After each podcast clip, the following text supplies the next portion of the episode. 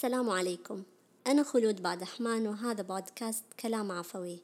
هذا البودكاست خاص جدا جدا جدا لأصدقاء خلود. كعادتي من فترة لأخرى أبتعد عن مواقع التواصل ثم أعود. يفتقدوني الأصدقاء وفي رد عفوي معتاد قلت كانت استراحة محارب وحسب. نعم هذا تعبيرنا الدارج والذي نستخدمه بعد كل توقف.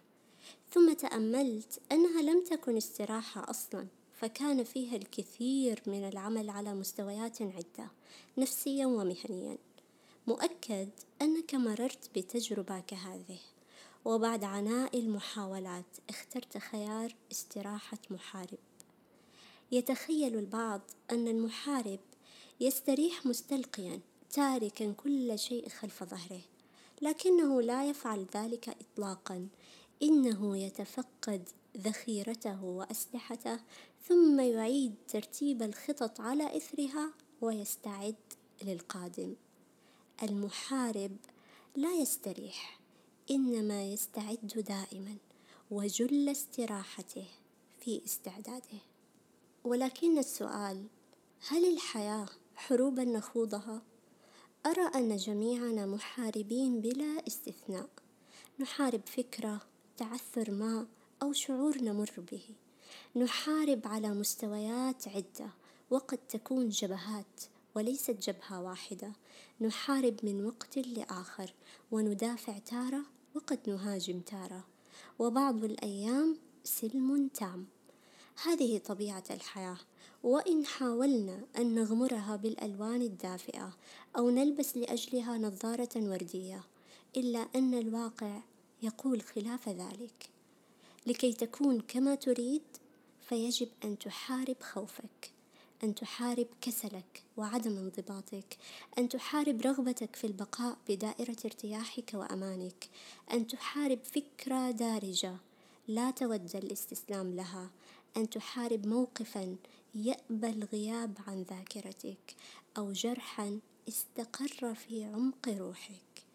إيليا أبو ماضي يقول وكذا الحياة قديمها وجديدها ذكرى نسر بها وذكرى تؤلم. تحارب كل هذا لتبقى صامدا سعيدا قادرا على العطاء وتبتسم ابتسامة النصر. أعيذ وجهك أن تغزو ملامحه رغم العواصف إلا بسمة الظفر. تحارب لتبقى روحك حالمة. تنظر لما هو أبعد من الواقع وتحدثك نفسك دوما فلا تقنع بما دون النجوم. ولتبقى بهذه النفسية والشعور يجب أن تحارب فعلا ولا بأس من التنحي قليلا. عبد الإله الهوساوي يقول كن مثل سهم إن تراجع للوراء جد النشاط بهمة ثم انطلق. ولكن متى يجب عليك أن تستريح استراحة محارب؟ إن صارت الرؤية ضبابية ولم تعد ترى بوضوح هنا يجب أن تبتعد قليلا حين لا تلمس حلا بيدك فيجب عليك أن تبتعد لتأخذ وقتك في ترتيب ذاتك ثم تنفض يديك تماما وتسلم الأمر أحب بيت الشاعر فالح بن طفلة الذي يقول فيه سلمته الأمر لا يأسا ولا جزعا ولا اضطرارا كما قد كان من دأبي سلمته بيقين أن خيرته خير لقلبي مما يشتهي قلبي.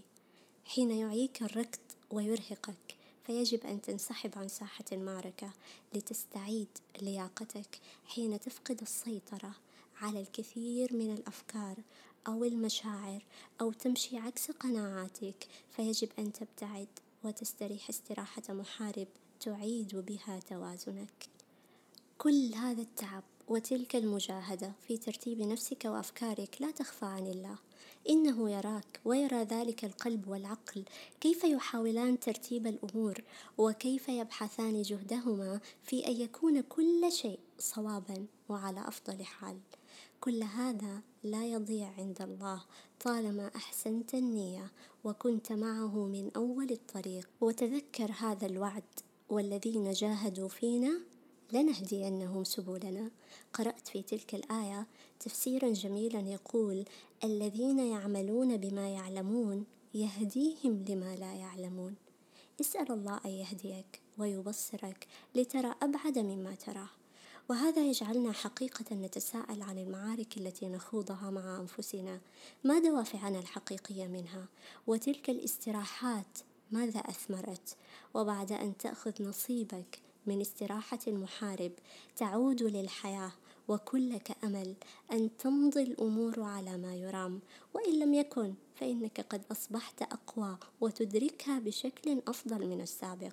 تشجع نفسك ولسان حالك يقول قم للحياة وراود كل فرحتها واشرب مباهجها رهوا على مهلي.